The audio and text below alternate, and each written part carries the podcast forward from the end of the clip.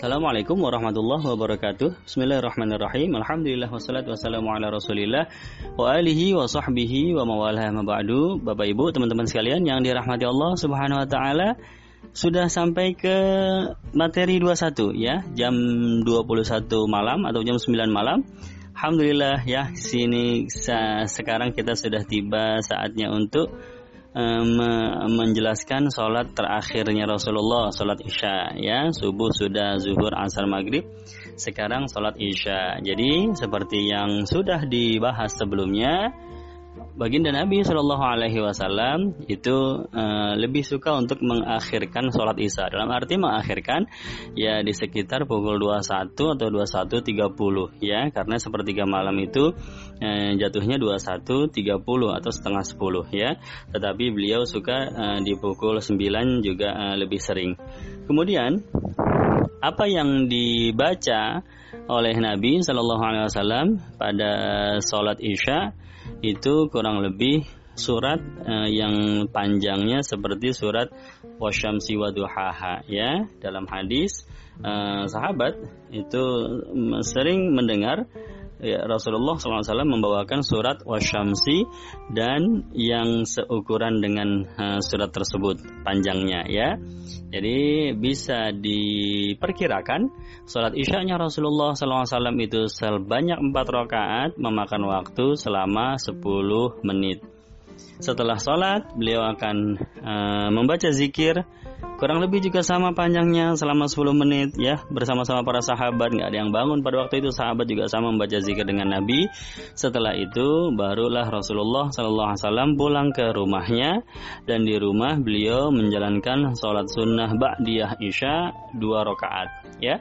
Jadi eh, qobliyah isya dikerjakan di awal ketika mendengarkan azan jam 7 azan beliau qabliyah tapi isanya jam 9 ya. Ini menunjukkan bahwa di antara sholat rawatib, sholat sunnah rawatib dengan sholat fardu itu tidak harus e, menempel ya, tidak harus e, apa namanya berkesinambungan. Boleh kerjakan sunnahnya di waktu kapan ya, kemudian fardunya di waktu kapan. Yang penting masih dalam satu waktu ya, masih sama-sama di waktu isya ya qobliyahnya jam 7 isanya jam 9 kalau mau pun kita mau ba'diyah jam 12 misalnya itu nggak kenapa-napa ya. Sebagaimana Rasulullah SAW antara qobliyah dengan fardu dipisah ya. Terpaut uh, jeda lama sekali kurang lebih dua jam. Tapi antara fardu dengan uh, ba'diyahnya disambung ya. Sampai rumah beliau sudah langsung sholat uh, ba'diyah. Jadi uh, mau berkesinambungan boleh mau dijeda dengan beberapa waktu lamanya juga tidak apa-apa ya. Ini salah satu daripada hikmah uh, beliau melaksanakan uh, sholat sunnah tersebut. Kemudian teman-teman sekalian, uh, Bapak Ibu yang dimuliakan Allah Subhanahu wa taala, berarti sampai materi ini kita sudah membahas kelima kebiasaan sholat Rasulullah Shallallahu alaihi wasallam bahwa um, beliau pada sholat subuh dan sholat zuhur um, apa namanya menunggu hingga setengah jam Sholat asar dengan sholat maghrib beliau tepat pada waktunya ya e, mengejar waktu fadilah. Kemudian sholat isya beliau menunggu sampai dengan dua jam lamanya ya. Ini e, menunjukkan bahwa di waktu-waktu tertentu ya di mana memang ada alasan yang dibenarkan oleh syariat kita diperbolehkan menunda sholat ya tetapi ketika tidak ada alasan yang dibenarkan oleh syariat, kita tidak dianjurkan untuk menunda sholat ya. Contoh, dalam rangka menunggu sholat berjamaah ya. Boleh tuh kita menunda sholat ya. Karena kita yakin akan dapat jamaah ya. Misalnya azan zuhur jam 12 kita berangkat ke masjid tiba-tiba nggak ada orang. Kita doang sendiri. Nggak nggak ada yang bisa dijajak berjamaah. Berdua kan jamaah minimal berdua sendiri nggak bisa. Ya padahal kita tahu di sebelah masjid tersebut ya contohnya ya ada ada sekolah atau ada kantor ya mungkin jam setengah satu pada keluar semua mereka pada sholat zuhur. Maka ketika itu kita disunahkan menunggu setengah jam demi bisa mendapatkan sholat berjamaah bersama mereka. Begitu ya nggak apa-apa kehilangan waktu fadilah. Waktu fadilah kan 10 menit setelah azan komat sholat. Ya ini kita nunggu sampai jam setengah satu. Tapi kita yakin biasanya emang ini jam istirahat jam setengah satu nih keluar nih kantor. Maka kita sholat uh, kita menunggu sampai setengah jam itu tidak apa-apa. Bahkan disunahkan ya karena alasannya dibenarkan oleh syariat. Inilah dia yang ingin dicontohkan oleh Rasulullah Sallallahu Alaihi Wasallam, ingin disampaikan oleh baginda Nabi Sallallahu Alaihi Wasallam. Ya, begitu. Contoh yang sudah sering kita ulang-ulang lagi, kita singgung-singgung lagi adalah tolabul ilim setelah maghrib atau setelah isya. Ya, kalau menyebabkan tertundanya sholat fardu, fardu isya ya, ya nggak apa-apa ya begitu karena itu alasan yang dibenarkan oleh syariat ya seperti itu. Ini uh, kesimpulan dari kelima waktu sholat yang uh, dilaksanakan oleh Rasulullah SAW jadi tidak bisa kita uh, tiru begitu saja tanpa kita melihat uh, ilmu di belakangnya.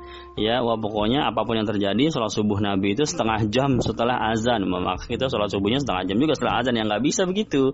Ya, melainkan kita pakai ilmu. Kita melihat apa latar belakang yang ada di balik kebiasaan Rasulullah SAW tersebut. Ya, baik seperti itu, Bapak Ibu, teman-teman sekalian kebiasaan sholat baginda Nabi Muhammad Shallallahu Alaihi Wasallam ya. Dan um, dari sini juga kita bisa melihat di antara kelima sholat tersebut yang paling panjang adalah sholat subuh ya sampai dengan uh, 20 menit ya satu rakaat 10 menit ya. Dari jumlah ayatnya juga 100 ayat ya. Kemudian yang paling pendek adalah sholat maghrib karena yang dibaca adalah surat-surat yang menengah menuju pendek ya.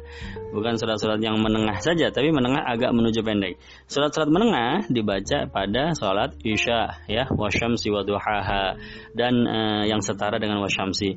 Kemudian zuhur dengan asar juga uh, sama, tidak terlalu panjang. Rata-rata 10 menit. Zuhur, asar, maghrib, isya rata-rata 10 menit kecuali subuh ya beliau rata-rata 20 menit. Ini menunjukkan bahwa sholat ada kalanya dipanjangkan, ada kalanya dipendekkan, mengikuti daripada situasi dan kondisi para jamaah ya. Bahkan dalam sebuah hadis Rasulullah SAW pernah sedang memulai sholat, ya beliau sudah ada niat untuk membaca surat-surat panjang ya. Tiba-tiba lagi sholat tersebut uh, Nabi Shallallahu Alaihi Wasallam mendengar suara tangisan bayi ya suara tangisan bayi di masjid maka Nabi mempercepat sholat berjamaah. Setelah selesai assalamualaikum assalamualaikum ya kemudian baca zikir sholat kemudian Nabi men menceritakan alasannya. Kenapa tadi sholat ini bercepat? Karena aku mendengar suara tangisan bayi. Ya aku tidak bisa membayangkan kata Nabi Wasallam bagaimana sang ibu pasti resah hatinya. Ya karena sang ibu sudah terlanjur berada di dalam uh, sholat jadi tidak bisa uh, menggendong bayinya tersebut untuk mendiamkan bayi. Maka Nabi mempercepat sholatnya ya. Jadi sholat itu menyesuaikan situasi dan kondisi para jamaah yang ada di sana. Ada kalanya dipanjangkan ada kalanya dipendekkan ya. Begitu. Baik Bapak Ibu sekalian yang dirahmati Allah setelah selesai sholat pukul 21 jam 9 malam Nabi akan pulang ke rumah ya. Kemudian sholat sunnah ba'diyah isya dan kemudian beliau akan uh, beranjak menuju uh, pembaringan ya untuk tidur di malam hari istirahat ya. Beliau masih punya wudhu, maka beliau tidak berwudhu lagi. Kecuali kalau beliau batal, maka beliau berwudhu dulu, baru kemudian naik ke atas tempat tidurnya. Ya, pertama beliau mengganti baju jadi uh, Nabi Muhammad SAW punya pakaian khusus dari bahan yang lebih ringan, lebih adem, ya dan apa namanya uh, nyaman untuk tidur, bukan pakaian yang ia gunakan sehari-hari. Ya, beliau akan berganti pakaiannya dan kemudian beliau akan bersiwak.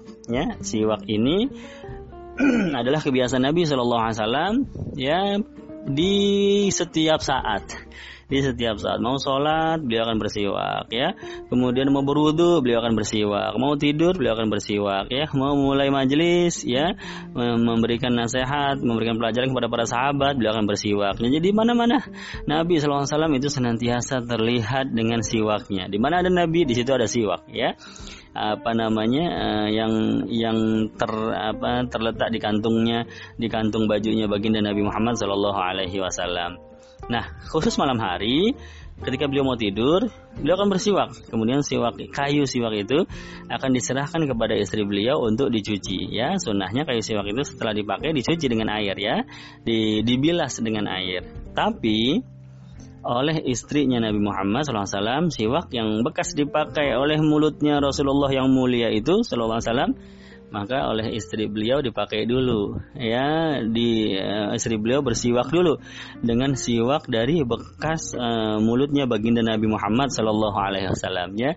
Baru kemudian dicuci. Jadi ingin mengambil daripada keberkahannya. Yang baru saja dipakai oleh Rasulullah SAW baru eh, dipakai dulu baru kemudian dicuci. Ya ini dari cerita Sayyidatuna Aisyah radhiyallahu anha. Setelah dicuci siwak itu akan akan diletakkan di samping kepala beliau ya sewaktu-waktu beliau terbangun di tengah-tengah tidurnya maka akan bersiwak kemudian tidur kembali. Atau kalau memang beliau sudah bangun tidur yang pertama kali diraih adalah siwaknya ya sallallahu alaihi wa alihi wasallam Demikian eh, kemudian beliau tidur berbaring menghadap ke kanan ya dan eh, dan juga di sebelah kanannya adalah arah kiblat ya itu eh, posisi kasurnya Rasulullah SAW seperti itu ya. Beliau akan tidur di atas kasur beliau walaupun tidak bisa disebut kasur ya. Kenapa? Karena eh, bahannya adalah eh, terbuat dari kulit hewan ya. Kemudian dimasukkan isinya ya isinya adalah eh, serabut-serabut uh, dari pohon korma ya. Kalau kita kan isinya tuh kapuk ya atau busa. Zaman sekarang busa ya zaman dulu kapuk. Ya kita kan isinya busa. Bahannya terbuat dari kain katun ya yang lembut. Ya diisi dalamnya dengan busa. Ya empuk kita tidur pules tuh. Ya kagak bangun tuh subuh tuh gitu tuh. Tapi kalau Rasulullah SAW ya bahannya adalah kulit hewan. Ya kemudian diisi dengan uh, serabut-serabut daripada pohon korma. Sehingga kalau Nabi bangun akan membekas di belakang punggungnya itu ya guratan-guratan serabut uh, pohon korma ya.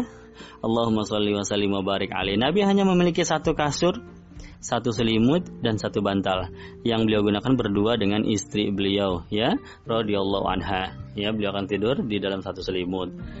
Jadi uh, seperti itu waktu tidurnya Nabi Shallallahu Alaihi Wasallam ya ada kalanya Nabi uh, melaksanakan sholat uh, witir sebelum tidur, ada kalanya beliau tidak melaksanakan sholat witir. Nanti witirnya nanti ya di akhir daripada sholat uh, tahajud.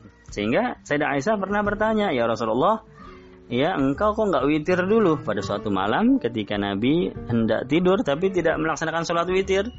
Ya maka kata Rasulullah SAW, ya Aisyah tanamu aini walayana mugolbi.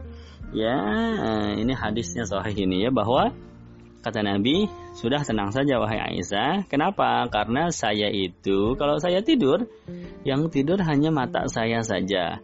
Tapi hati saya tidak pernah tidur, ya. Jadi saya Aisyah khawatir Nabi nanti kesiangan bangun jadi nggak witir deh tuh ya. Padahal uh, witir adalah wajib dari sisi Rasulullah SAW ya. Sunnah dari sisi kita umatnya. Tapi khusus khususiyah kepada Rasulullah itu itu hukumnya wajib ya.